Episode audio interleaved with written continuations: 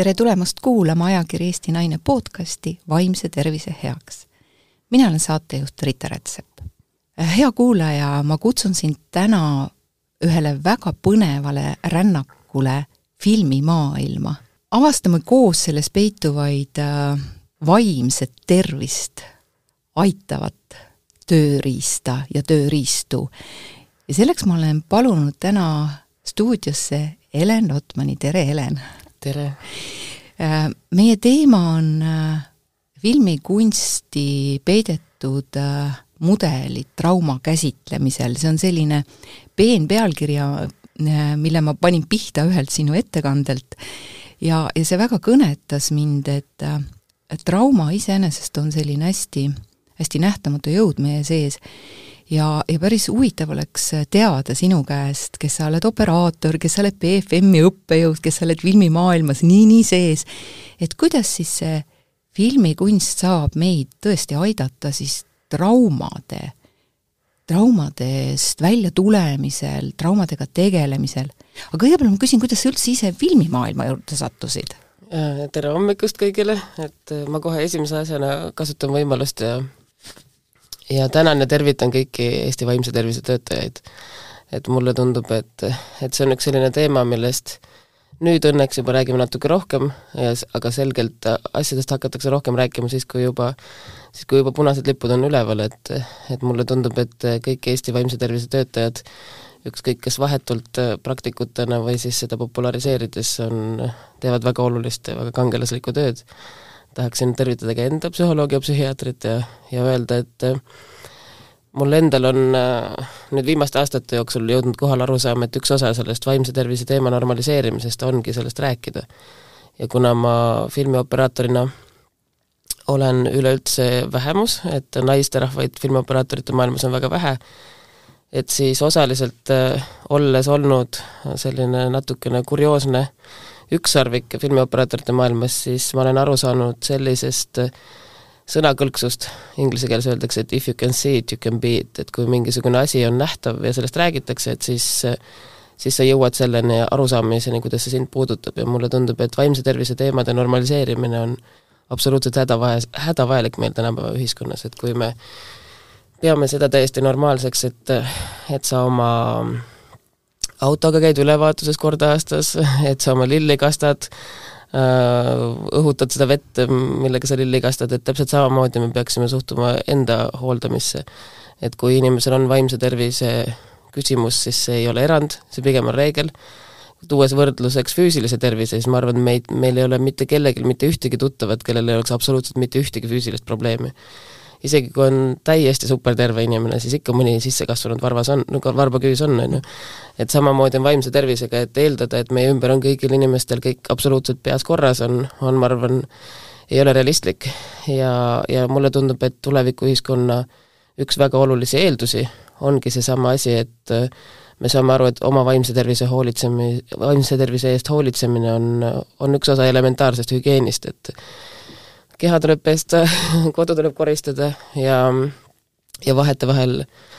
pigem tihemini kui harvemini tuleb, tuleb saada abi oma mõtetega seoses. ja mina nimetan ka ennast mõtete tuulutajaks, et et ka see podcast siin on tehtud ju selle mõttega, et meie head kuulajad saavad siit erinevaid tööriistu. et me oleme tõesti teinud neid juba üle viiekümne episoodi tänase päeva seisuga kaks aastat, et tõesti hästi-hästi erinevaid tööriistu anda inimesele, kes kuulab, tal tekivad omad seosed ja, ja ta võtab sealt selle, mis tal sellel hetkel vaja on, võib-olla kuulab mõnda saadet teist korda, kolmandat korda ja saab saab jälle uue vaatenurga, et sellepärast ka see just seesama filmi teema siia sisse, et et äh, tõepoolest see trauma, mis inimese sees istub,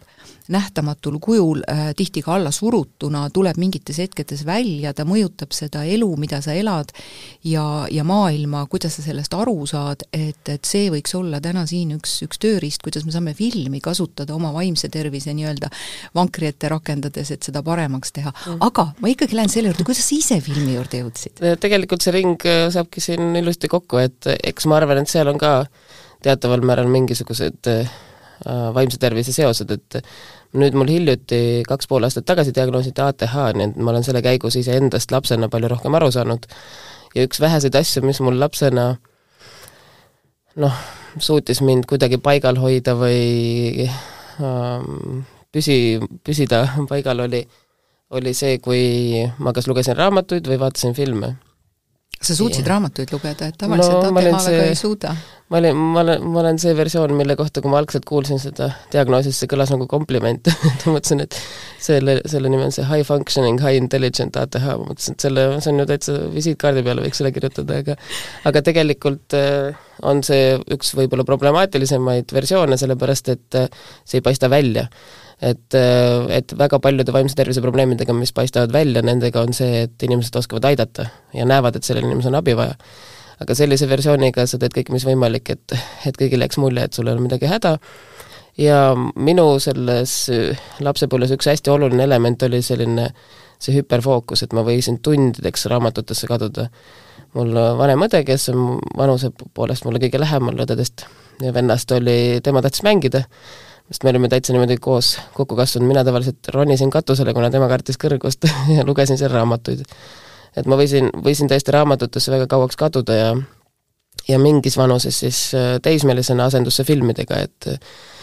et äh, noh, loomulikult need esimesed äh, sellised gateway drug'id olid väga lihtsad filmid, Home Alone ja, ja sellised, mis tol ajal kinno tulid, aga, aga siis ajapikku ma kuidagi leidsin filmides enda rahutule meelele tohutu äh, sellise puhkuse. Ja ma sain, hiljem olen aru saanud, et mul oli selliseid mingisuguseid filmitegijale vajalikke voyeuristlikke tendentse oli juba lapsena, et mulle tohutult meeldis akendest sisse vaadata, et mul emapoolsed vanavanemad, kes on siiani elus, mis on suur õnn, mulle elasid Lasnamäel tol ajal, mina ise olen muidu Tartust pärit, aga siis, kui ma sattusin nende juurde, siis ma võisin ka tundide kaupa istuda akna pealt lihtsalt vaadata vastasmaja akendesse ja mõnes mõttes äh, see oli ka nagu kino vaatamine, et, et selles äh, sellises voyeuristlikus teiste inimeste elu vaatamises huviga on, ma arvan, ka peidus see, kuidas ma lõpuks filmini jõudsin. aga konkreetselt operaatoriks saamiseni oli natukene selles mõttes käänuline tee, et, et mina tol ajal väga tüüpiliselt ja ma arvan, et ka tänapäeval noored paljud tegelikult ei tea, kes filmi teeb, äh, kuidas seda tehakse, noh, me teame näitlejaid ja heal juhul režissööre, aga seda, et seal on päris suur seltskond, on seal kaamera taga, et sellest me palju ei tea ja just parasjagu tollel aastal,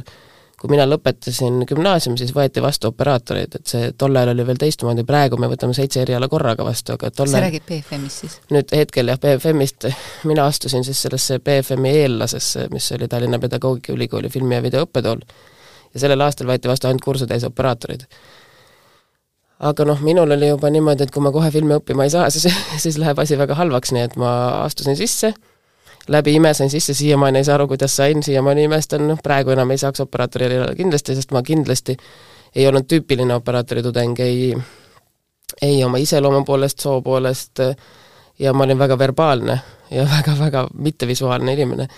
aga õnneks äh, mu õppejõud kas uskusid minusse või tahtsid lihtsalt katsetada, et mis saab ja kusagil teisel-kolmandal kursusel ma sain aru, et see on, paremat kohta mul maailmas ei ole, et et siis ma täielikult armusin sellesse operaatori ametisse siiamaani see armastuslugu kestab. vaata, kui huvitav, mis sa välja tõid, et äh, kui oluline on äh, sattuda õigel ajal õigesse kohta, et pole midagi hullemat, kui inimene on vales kohas. et milline vastuolu tekib äh, iseenda sees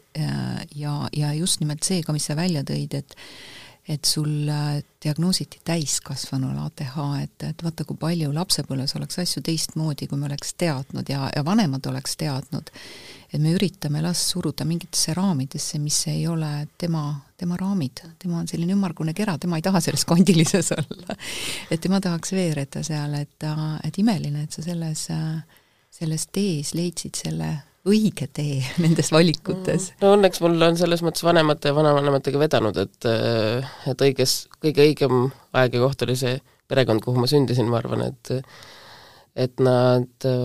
on mind üldiselt kõiges toetanud minu sellises kohati heitlikus, aga alati väga intensiivses eneseotsingus ja, ja ema ja isa on mul bioloogid aga mingit sellist survet, et, et minna teadusesse või bioloogiasse mitte kunagi ei ole olnud, et see on alati olnud pigem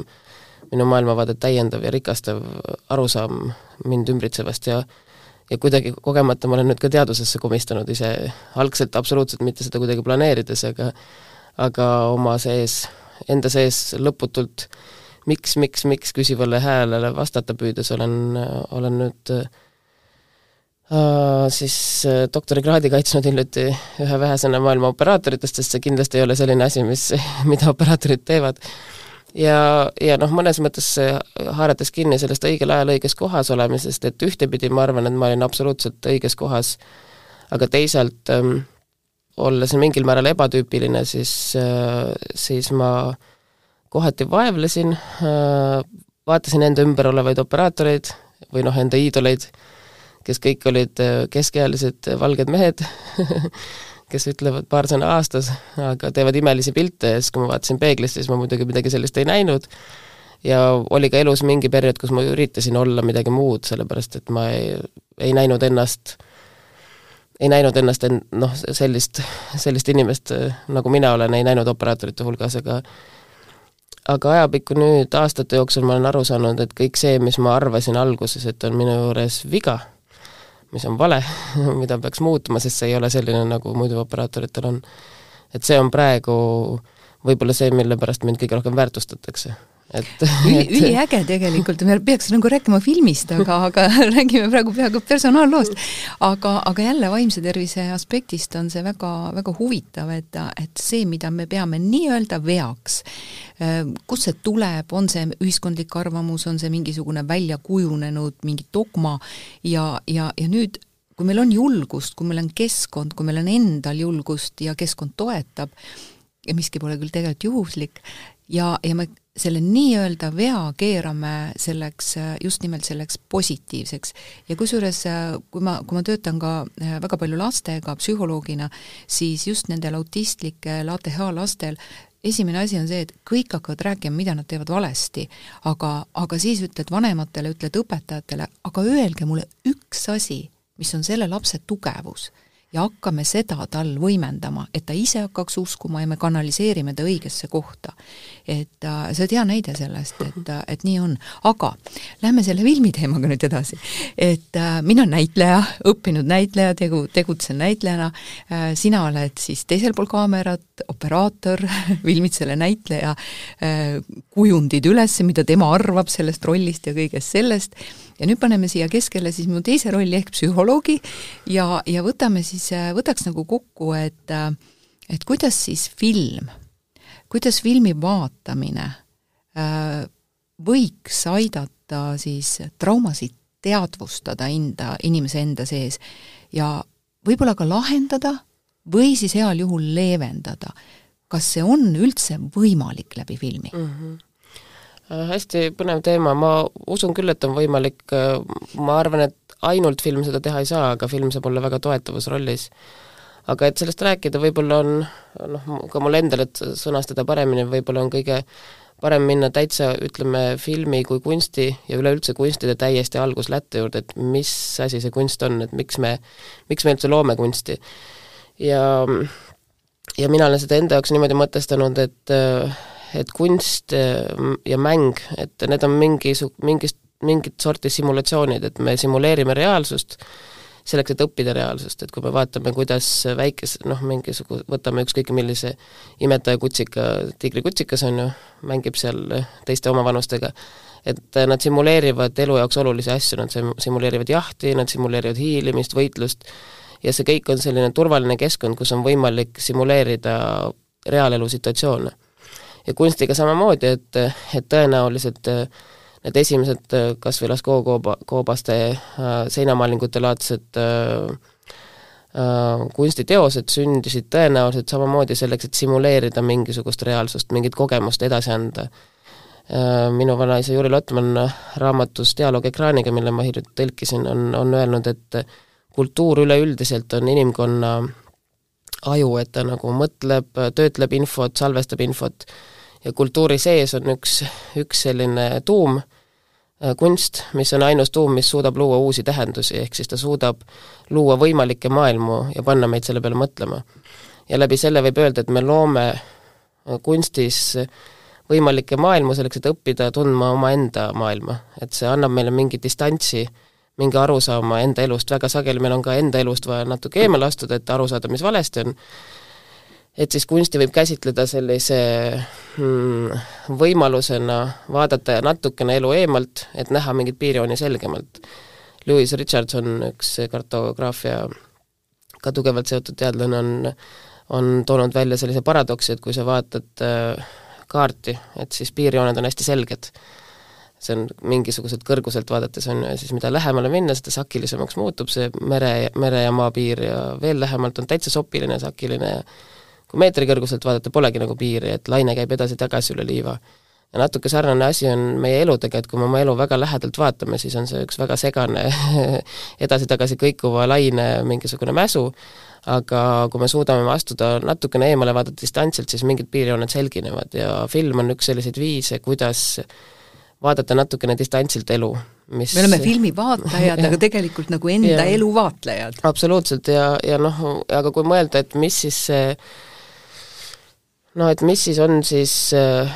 elus inimese jaoks üleüldse üks suuremaid väljakutseid, et meie jaoks, ma arvan, kõige suurem väljakutse on muutumine. Muutumine on kohutavalt raske mm, ja muutumine tavaliselt hakkab pihta siis, kui seal olemine, kus sa juba oled, ei ole enam võimalik, see muutub nii talumatuks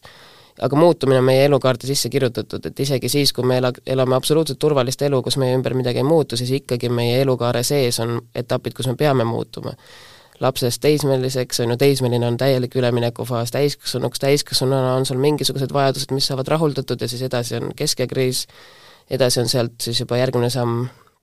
va-, vanem, nii-öelda vanemaks inimeseks ja see edasi siis järgmine samm sellisesse elu lõpu raugastumise faasi, et me peame kogu aeg muutuma elu jooksul, aga kuna muutumine on niivõrd raske, et siis me alati ajame sõrad vastu, me ei taha muutuda. mõne jaoks on see ka väga traumaatiline, tegelikult ühest kümnendist kas või teise minek, eks ju, või, või mis iganes, eks, et ei peagi olema väga midagi juhtunud, et oleks sügav trauma, vaid ka see elukaare muutus on ja, tema jaoks trauma. Ja nüüd filmide puhul sageli ma nüüd äh, natukene üldistan, et muidugi on väga palju filme, mis on, mis on hästi vormilised ja esteetilised, millel ei ole sellist funktsiooni, aga aga kui me võtame sellised äh, narratiivse mängufilmi, et siis ka kõige banaalsemad Hollywoodi sellised äh, romantilised komöödiad või, või mingisugused draamad, et need alati äh, räägivad mingist muutumisest, et nende sisse on peidetud muutumise lugu. Ja meie noh, filmitegijatena suudame seda muutumise lugu vaadata peaaegu et valemi tasandil, kuna meie vaatame seda läbi tööriistade. aga inimene, kes vaatab filmi, ta ei pea nägema seal taga neid traagelniite nii täpselt, aga ta näeb, et on üks inimene, kellel on keeruline ja selle käigus ta muutub, või siis muutumine ebaõnnestub, ta ei suuda muutuda ja läbi selle siis me suudame ise teha mingisuguseid järeldusi enda igapäevaelu kohta, enda muutumise vajaduste kohta ja ära tunda iseennast filmitegelastest. kas see on selline alateadlik äh, protsess siis inimese sees, et ta tunneb midagi ära, ta suudab nagu samastuda sellega, aga võib-olla see ei olegi teadlik mm? -hmm. absoluutselt, no ma usun ka, et et noh, mina üleüldse kipun, ma, ma küll kuskilt otsast ei ole freudiaan, aga, aga mina ise arvan, et enamus meie minast ongi see alateadlik mina, et me kipume vahetevahel pidama minaks seda teadlikku osa, aga noh, minu arust see teadlik osa on selline Toomas Uba, et ta on selline spordikommentaator, ta seletab kogu aeg, kommenteerib, mis toimub, aga, aga oma, oma tõeline, tõelise mina sisse mahutub ju ka meie aju limbiline süsteem ja ja meie aju, see praktiliselt siis see sisaliku aju, on ju, ehk siis meie mina vajadus ei pruugi alati tulla meile sõnastatud teadmisena, aga see võib tulla meile rahulolematusena, mingi vajadusena, mingi igatsusena. Ja kui me sellele vastame, et siis me samamoodi vastame vajadustele, mis meie sees on peidus et siis, kui me vaatame filmi, siis me ei saa mõnikord aru, mis meiega toimub, et hakkame mingis ootamatus olukorras kas nutma või või kuidagi ootamatult naerma isegi, et, et, et tekib selles pinges kehas tekib mingisugune lõdvestus ja, ja me ei saagi aru, et tegelikult selle tingis ekraanil toimub mm. -hmm jaa, absoluutselt, ja noh, teine asi, mida pärast võib hiljem nende muutumise lugude juurde tagasi tulla, aga veel üks funktsioon, mis filmide juures on selline, mida sageli noh, nagu kuidagi öeldakse halvustavalt ja ma saan aru, et kui seda üle tarbida, see ongi halb, noh nagu polegi kasulik, aga film kui meelelahutus. ja noh, see sõna meelelahutus, et see nagu me-, meele kehast lahutamine, et et me istume sinna fil-, sinna kinosaali ja siis me lahutame oma meele oma kehast ja mingiks hetkeks rändame kuskile teise kohta aga tegelikult selles on ka päriselt äh, selline rek-, rekreatiivne funktsioon, et no see on lõdvestav funktsioon. lõdvestume, me saame unustada oma päriselu probleemid ja tegelikult äh, noh, mm, üks hästi, hästi, hästi oluline asi, mulle tundub eriti tänapäeva inimese jaoks, on midagi, mida me teadlikult sageli ei tee, on see, mida nimetatakse stressitsükli lõpetamiseks, et, et loomad teevad seda loomulikult, kui teil seal öösel sõites mööda maanteed hüppab näiteks metskits tee peal ja siis ta tuledest minema hüppab, kuskile pimedusse läheb, et siis tema esimene reaktsioon pärast seda, kui sina oled oma autoga ära sõitnud, on ennast raputada. et nad raputavad ja siis see stressitsükkel lõpetatakse, et see ta korraks oli eht-, eluohtlikus situatsioonis, aga siis ta raputab ennast vabaks ja läheb järgmisesse olukorda ja see jääb selja taha. inimene kannab kaasas. inimene esiteks kannab kaasas juba lihtsalt selle tõttu, et meil on mälu, on ju, aga teisalt ka selle tõttu, et tänapäeva maailm on nii vähe füüsiline, nii palju vaimne, et meil see üks email võib peast tiksuda terve päeva et äh, sa oled sealt juba nendest tuledest juba minema pääsenud, aga tegelikult sa istud arvutis edasi ja sul kogu aeg on kümneid ja kümneid murettekitavaid ja stressi tekitavaid äh, selliseid lahtiseid, nii-öelda lahtiseid tääbe peas on, on ju, mis jooksutavad. Ja ja on ju Bluma Zeigarniku nime põhjal, nimest inspiratsiooni saanud efekt nimega Zeigarnik efekt, mis ütleb meile, et inimesele jääb pale, jäävad paremini meelde asjad, mis on pooleli, mis ei ole lõpetatud. et kui meie peas on lõputult pooleliolevaid asju kogu aeg, et siis mingi hetk meil lihtsalt on vaja, täpselt nagu arvutil on vaja teha peale restart.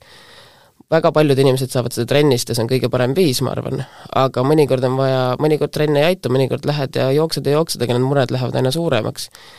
ja, ja film on üks selliseid viise, mis aitab korraks need oma igapäevamured välja lülitada, kui ta on väga intensiivne kogemus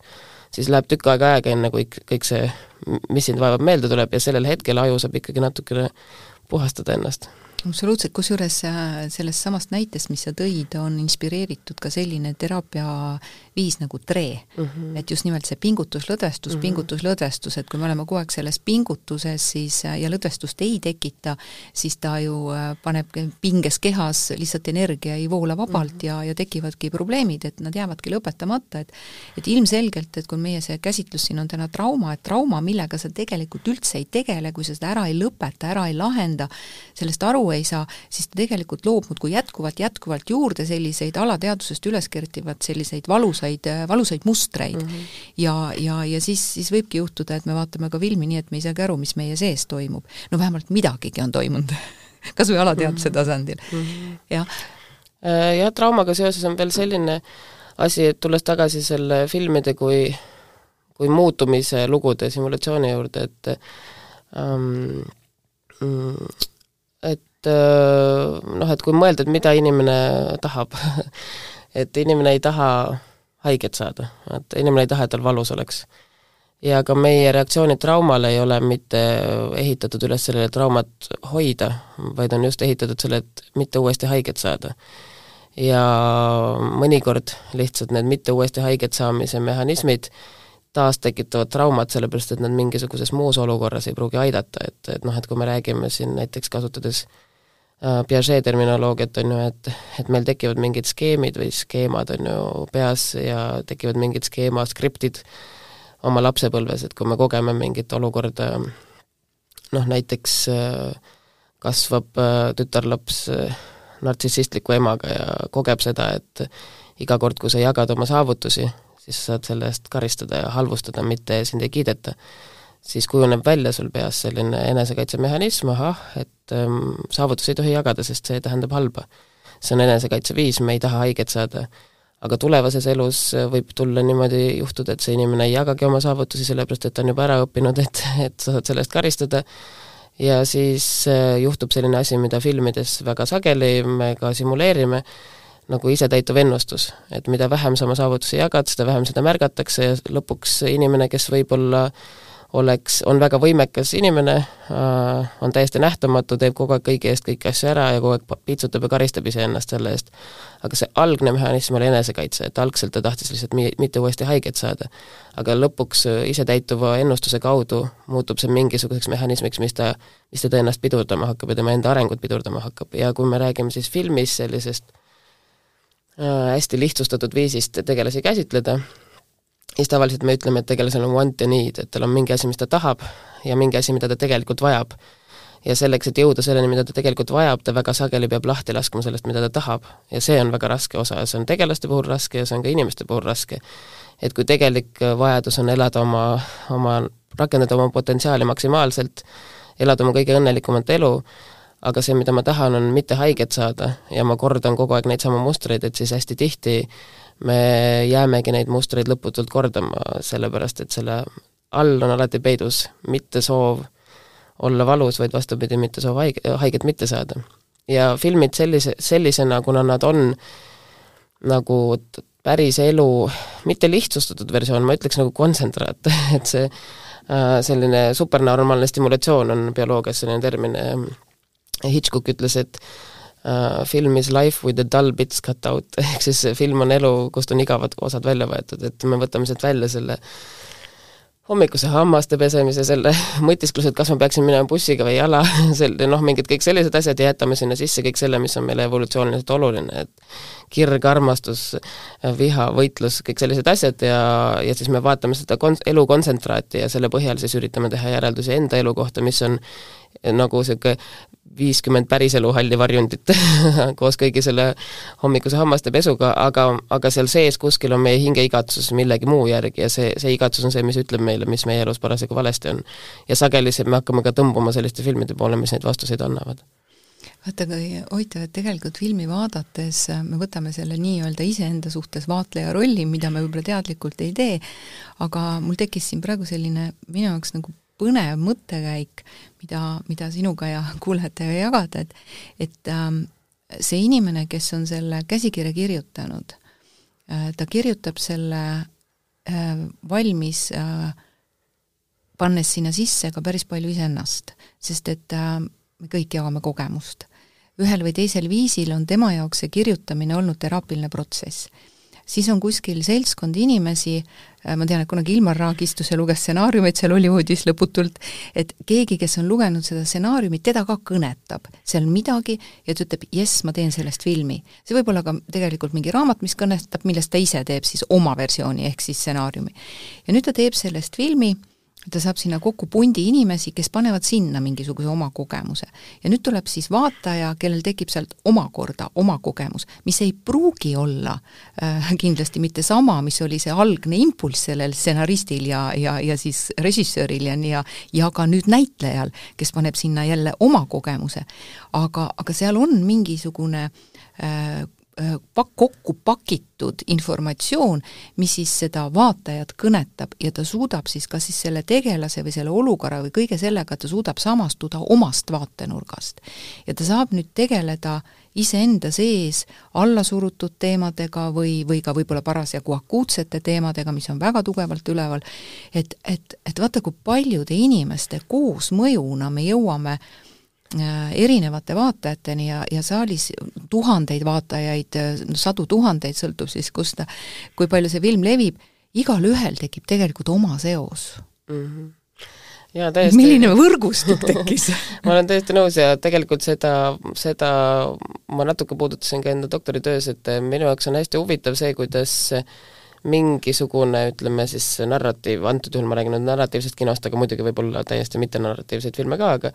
läbib selliseid laienemise, kitsenemise faase ja neid on päris mitu tükki, et, et stsenaristil esimene idee võib tulla mingist väga väikesest äh, impulsist, võib-olla enda elust, võib-olla loeb ajalehest mingit artiklit ja siis, äh, kui ta alustab tööd sellega, siis ta hakkab seda laiendama, ta hakkab tegema mingit uurimustööd, hakkab kirjutama erinevaid versioone sellest ja see muudkui laieneb selliseks pilveks, aga mingi hetk on tähtaeg, siis ta peab selle tagasi kitsendama stsenaariumiks, stsenaarium on lihtsalt sõnad paberil, siis tulevad režissöör, operaator, kunstnik, näitleja ja kogu see suur seltskond, kes samamoodi laiendab selle, peegeldab iseenda sees olevaid kogemusi sinna sisse, laiendab selle uuesti mingiks hulgaks kaameratestideks, näitlejaproovideks ja sellisteks äh, selliseks pilveks ja, ja siis tuleb tähtaeg jälle tuleb võte ja siis see realiseeritakse mingiteks kaadriteks, mis on üles filmitud ja mingiks heliks, mis on salvestatud. ja samamoodi montaažis siis uuesti korraks selle lõõtsa tõmmat-, see lõõts tõmmatakse jälle lahti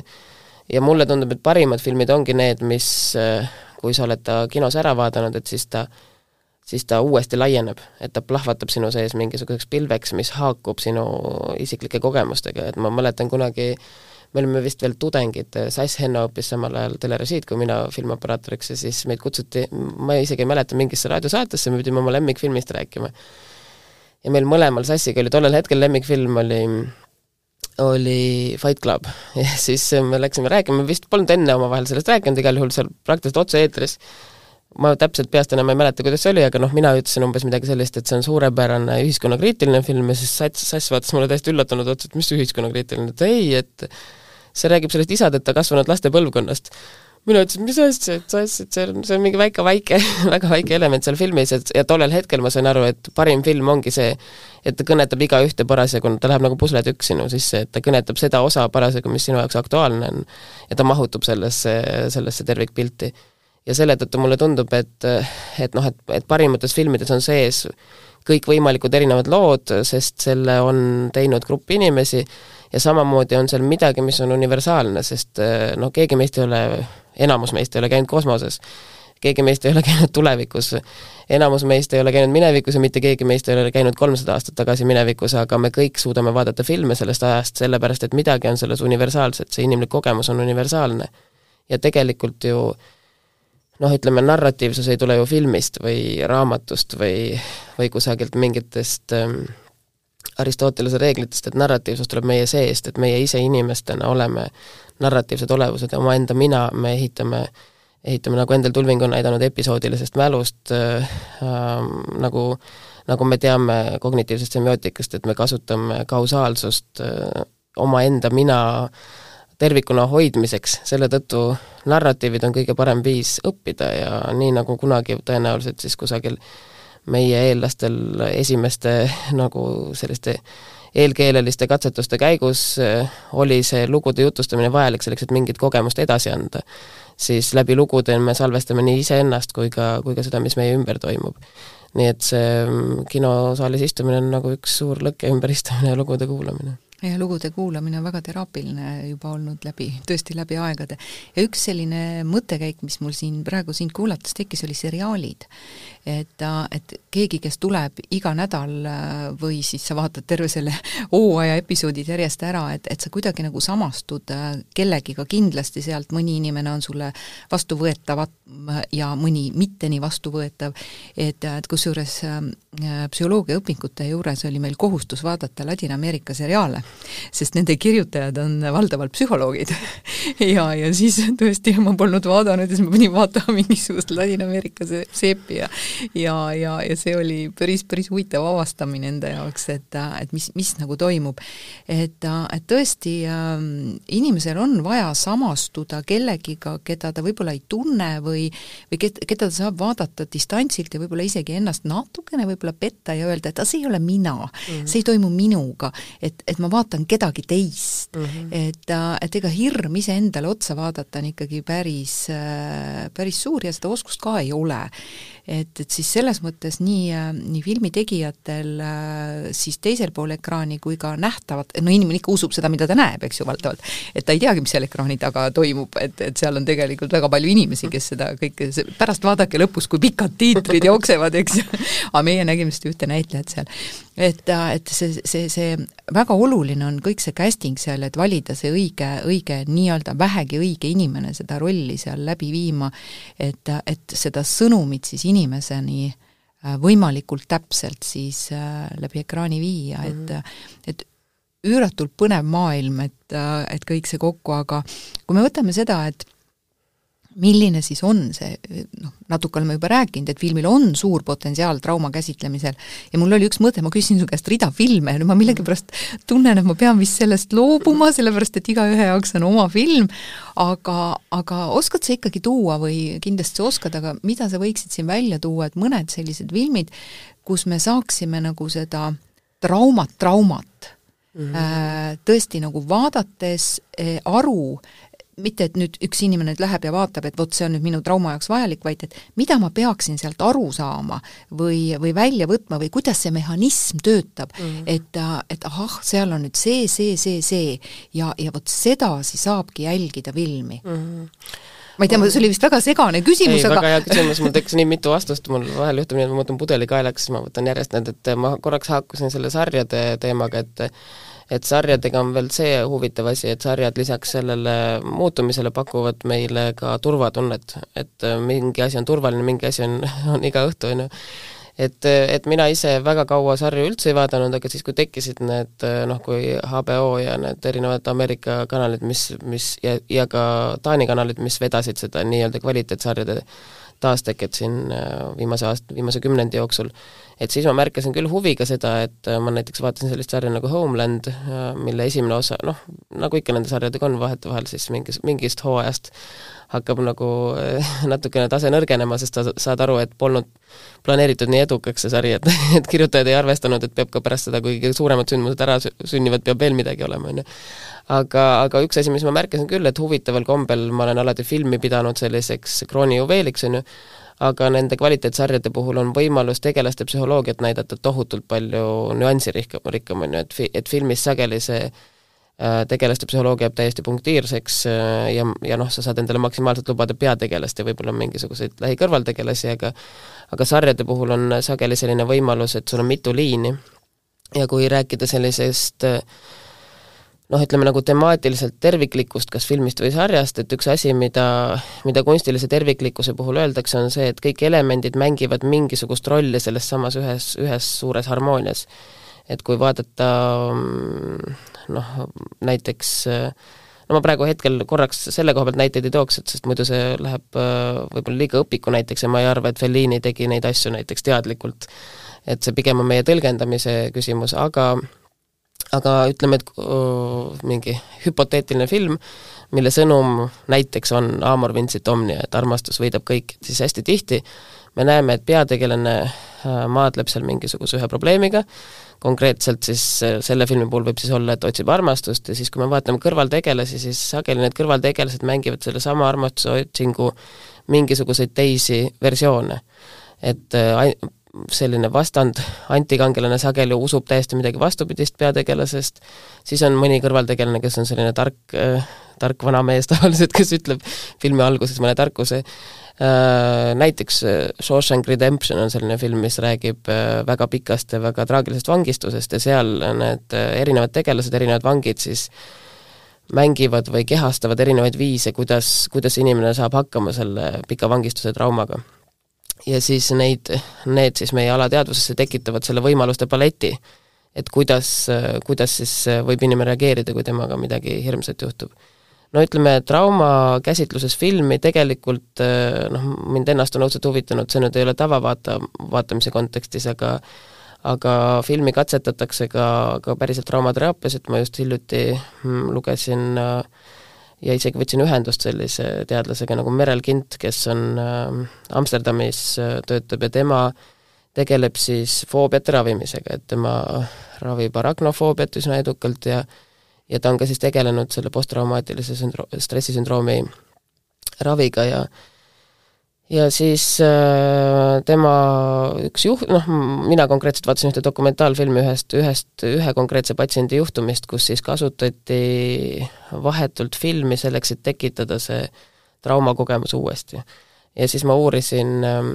täiesti tavalist mängufilmi? ma uurisingi tema käest, et milliseid mängufilme nad kasutavad ja ta ütles, et nad üldiselt kasutavad õudukaid, et näiteks, näiteks seda voonakeste vaikimist on kasutatud, aga see nüüd,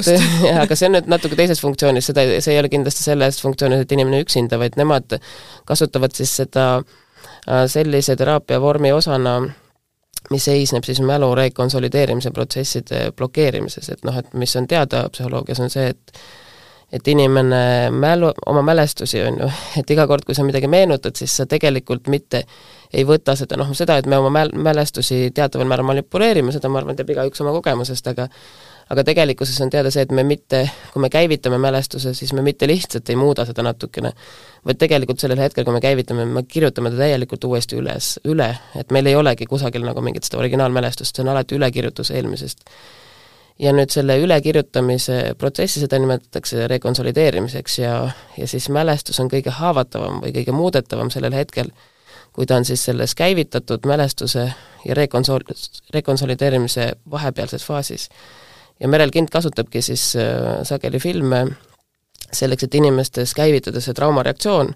see on hästi tihti füüsiliselt väga ebameeldiv ja valus ja inimesed värisevad üle keha ja see on neile väga õudne. ja siis ähm, ja siis ta annab neile ühte beeta-blokaatorit, mis siis eh, seda rekonsolideerimist peatab, nad lähevad koju, magavad ennast välja ja hommikul on nad peaaegu et noh, täiesti uuesti sündinud inimesed. mis on väga huvitav, seda muidugi omal käel seda teha ei saa, on ju, aga aga see on siis nüüd äh, film, mis rakendub siis väga-väga spetsiifiliselt sellises nagu professionaalses vaimse tervise abis. ma küsisin ta käest, et kui palju neid filme kasutavad, ta ütles, et ähm, et noh, et filmidega on see probleem, et selliseid et kuna traumamälestused tekivad sellisest äh, hästi isiklikust, hästi erilisest mida me nimetame siis hotspot mälestuseks, et mingist ühest või noh, mingist korduvast väga spetsiifilisest mälestusest, et siis filmid on selles mõttes natuke keeruline, et ei ole nii universaalseid mälestusi, on ju. siis, siis ma kohe huviga uurisin, et kas, kas teil ka, kas te teate kedagi, kes teebki filme äh, konkreetse inimese sellise traumamälestuse taaslavastamise funktsiooniga. teraapiafilme. jah, just täpselt, mis ongi mõeldud täpselt selleks, ta ütles, et noh, et ta ei ole, ta ei tea, et, et seda tehtakse, mul kohe jäi jälle üks asi, üks mõte jäi õhku, et mida võib-olla kunagi võiks teha. aga noh, ütleme, see on nüüd selline selline valdkond, kus, kus inimene üksi ei, ei, ma arvan, ei tohiks katsetada, aga aga kui me mõtleme siis äh, konkreetselt äh, äh kuidas vaadata filmi, mõistmaks seda, milline on see muutuse noh, ütleme, et milline siis see muutuse teekond on, et siis, ähm, siis võib vaadata niimoodi, et, et üldjuhul siis tegelane, kui, et noh, esimene asi, mis, mis alati aitab aru saada, et millest see film rääkis, on vaadata seda, mille poolest tegelane alguses ja lõpus erineb. et, et sest kui me räägime muutustest, on ju, et siis tavaliselt, kui tegelane on lõpus õnnelikum, et siis tõenäoliselt filmi tegijad tahavad meile öelda, et kusagil seal kohas midagi toimus temaga, mis tegi teda õnnelikumaks kui tegelane on filmi lõpus õnnetum, siis me räägime sellisest asjast, mida nimetatakse negatiivseks arengukaareks, ehk siis inim-, noh, allakäigu arengukaareks. ja kui inimene ei muutu, ei suutnud muutu, muutuda, et siis me, eh, on seal noh, ka võimalus noh, näiteks ähm, Tõe ja õiguse filmi puhul, mis muidugi on ka väga tugevalt seotud raamatuga, on ju, et seda eraldiseisvana täitsa võtta ei saa, aga noh, et Tõe ja õiguse filmi puhul viimane stseen on Andres siis äh, läks jälle seal puusadeni vees, on ju, et ehk siis me näeme, et ta ei muutu, noh et ta filmi jooksul küll muutus äh, ühte kindlat moodi, on ju, aga me näeme teda lõpus siis äh, mingisuguses konkreetses olukorras ja me saame teda võrrelda algusega ja mõelda, et mis see teekond on, mis ta läbis. ja, ja siis teine asi, mida saab vaadata, on see, et noh, et näiteks ütleme, et kui tegemist on positiivse arengukaarega filmiga, et see tegelane muutus siis ähm, lõpus on õnnelikum, võib-olla ta on kõik kaotanud, mis tal on, et see ei tähenda, et ta on alati kuidagi paremas seisus, aga ta, aga on õnnelik näiteks. et siis on võimalik vaadata seda niimoodi, et äh, selles samas äh, enesekaitse nagu kapslit arvesse võttes, et filmi alguses oli ta, alustas ta mingisuguste ootustega elu suhtes, äh, näiteks noh, ütleme nüüd mingi fiktiivne film, et et on mingi tegelane, kes ei suuda suhe, suhetes püsida, et ta kogu aeg, kohe kui suhe muutub liiga lähedaseks, siis ta katkestab selle ära, on ju ja see tähendab, et ta tuleb mingisuguse minevikus lepiga ja samamoodi põhjus, miks me teeme endale teistele haiget, on üldjuhul selleks, et mitte haiget saada, mitte, mitte selleks, et haiget teha. et sellest võib järeldada, et sellel tegelasel oli minevikust kaasas mingisugune uskumus, näiteks see, et kui sa kellegi liiga lähedale lased, siis sa saad haiget. ehk siis kunagi on ta haiget saanud ja sealt on ta välja kujundanud endale sellise viisi ennast kaitsta ja väga sageli siis selliste filmide puhul, noh, see on selline hästi tüüpiline romantilise komöödia mul tuleb kohe meelde Isad ja tütred. just või siis on see fifty-fifty on, on ju selle, mis on, mis on veel, tegelane on, on vähihaige veel, et ehk siis hästi tihti meil filmides on mingi katalüseeriv sündmus, mis sunnib tegelast just nüüd sellel hetkel selle probleemiga tegelema hakkama. ja seda, selle sündmuse kohta öeldakse siis käivitav sündmus filmis, et muidu võiks ta ju vabalt elada edasi, sest see on tal mingi strateegia, mis tal on välja kujunenud ja siis on võimalik vaadata, kuidas, millised on need etapid, kus ta liigub selle enda uue tõe suunas, et alguses ta uskus, et näiteks, et sa ei tohi kedagi endale lähedale lasta, ja siis sageli noh, ta siis filmi jooksul saab hästi palju tal siis ebaõnnestub, et lausa noh, filmitegijate hulgas naljaga öeldakse, et et aja tegelane puu otsa ja loobi teda kividega et kui ta sealt alla kukub ja ellu jääb, et siis oli komöödia, kui ta alla kukub ja surma saab, et siis oli tragöödia, on ju. ehk siis peategelane väga sageli läbib erinevaid kannatusi selles teekonnas, proovides lahendada seda oma algset probleemi. ja selle käigus ta kuidagi muutub ja see muutumise siis selline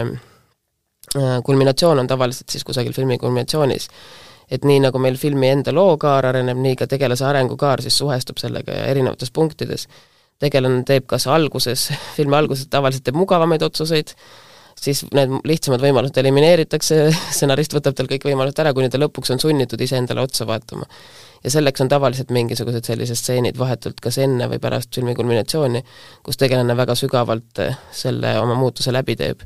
ja hiljem siis äh, hästi tihti on ta peegelpilt sellest, kes ta enne oli. ja niimoodi vaadates algust ja lõppu, neid erinevusi analüüsides ja siis tagurpidi lõpust neid kausaalseid ahelaid jälgides, siis me näeme, et mi-, äh, mis on see, mis ta selle käigus tegi, ja siis me saame enda noh, nagu siis need, neid enda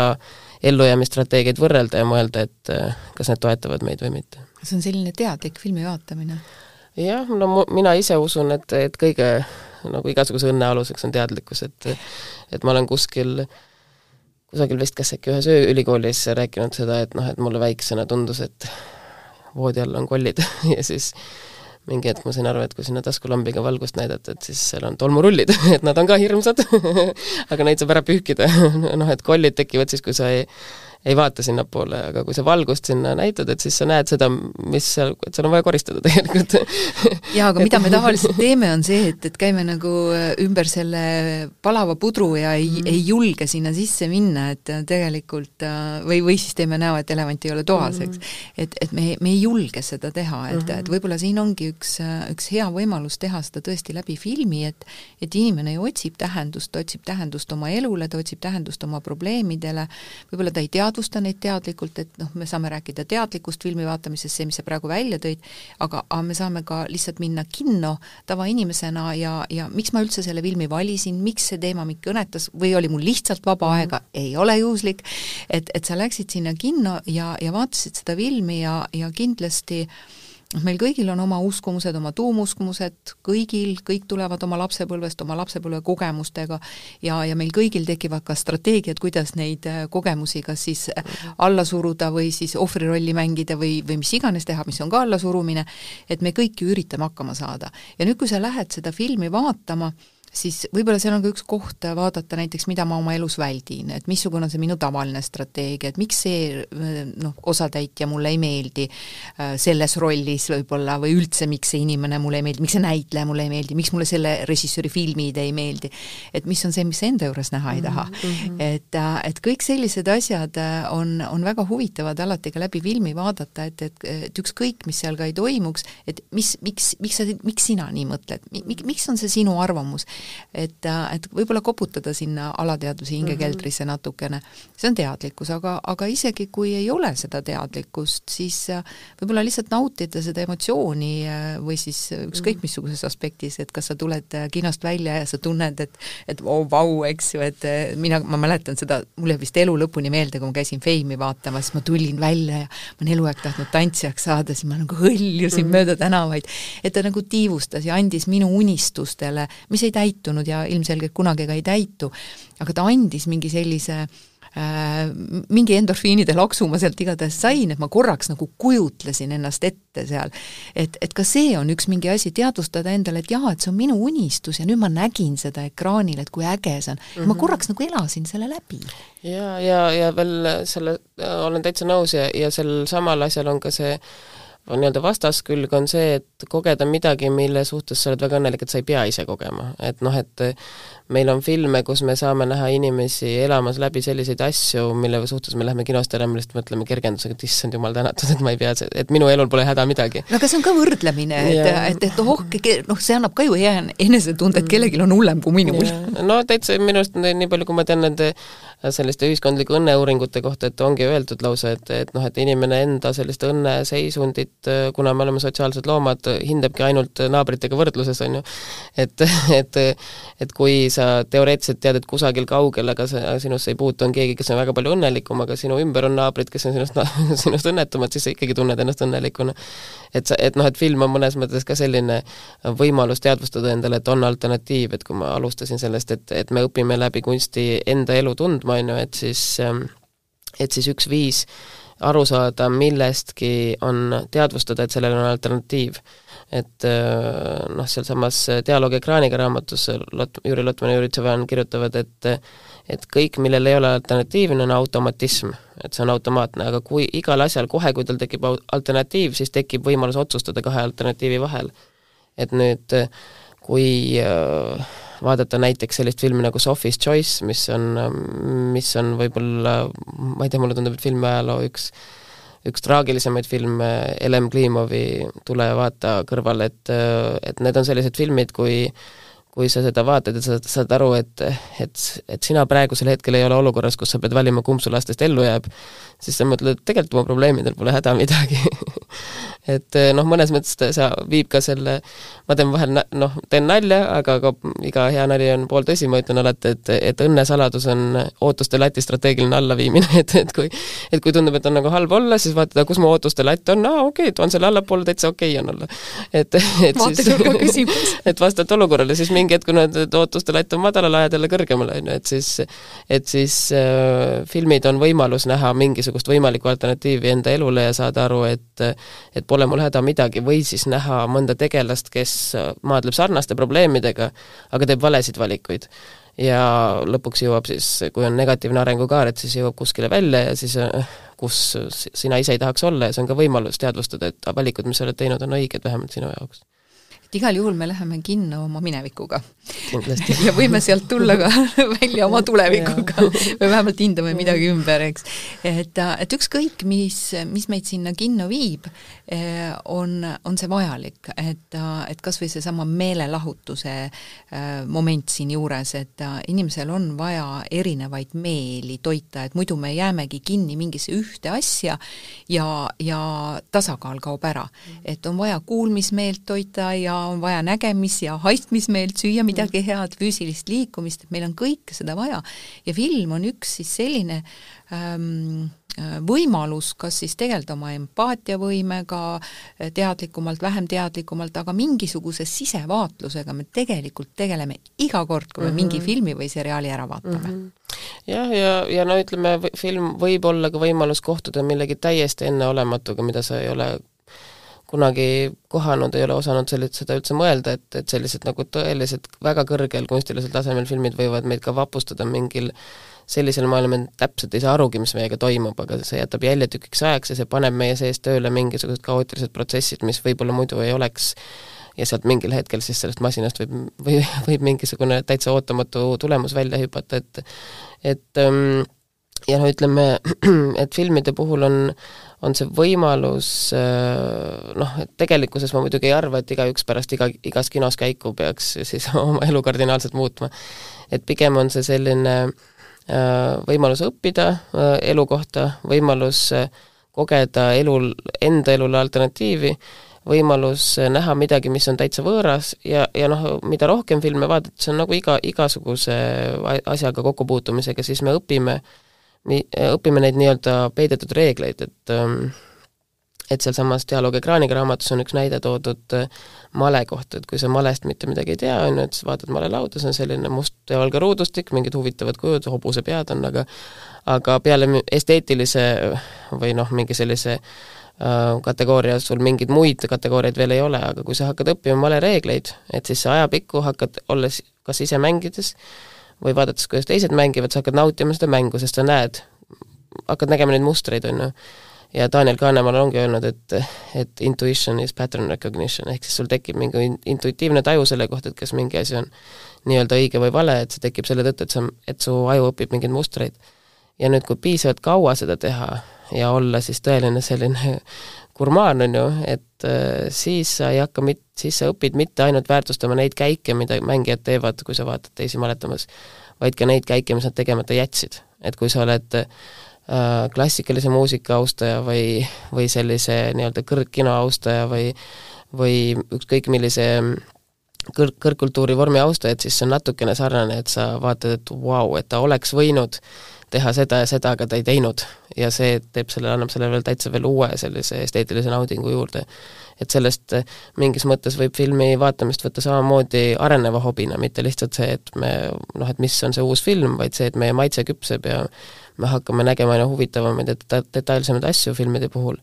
ja meie võime neid asju eristada kasvab, aga samas, mis on huvitav, mida ei tasu kunagi unustada, on, on ju see, et inimese aju on modulaarne, see tähendab, et meil paralleelselt peas toimivad see nii-öelda sisaliku aju, mis on meil siis kõige vanemast evolutsioonilisest ajaloost, siis see limbiline mm,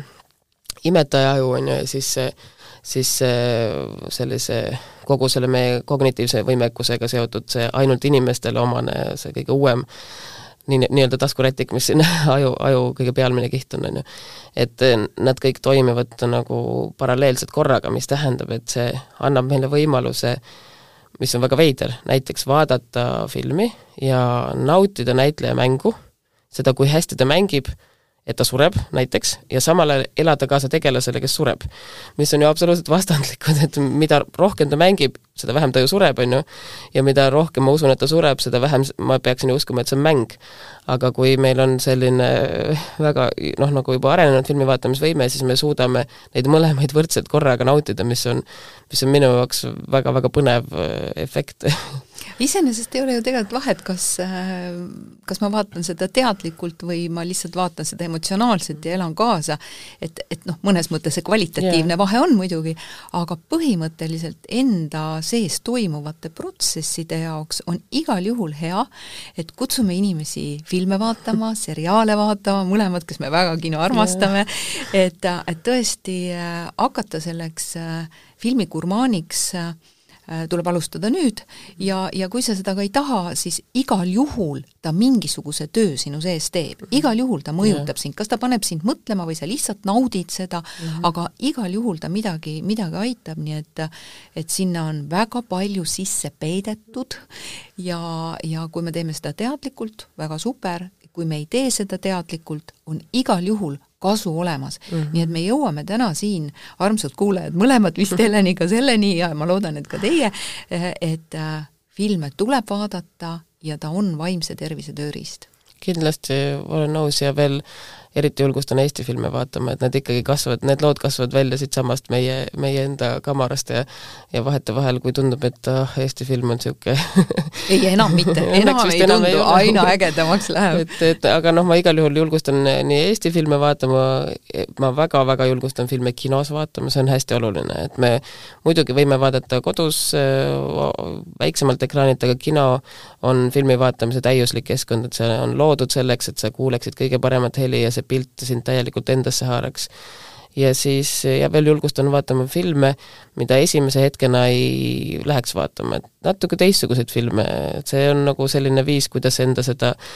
kodu, seda ringi natuke laiendada ja sinna metsikusse võssa teha mingisuguseid samme, vaadata filme, mida võib-olla kohe ei julgeks vaadata.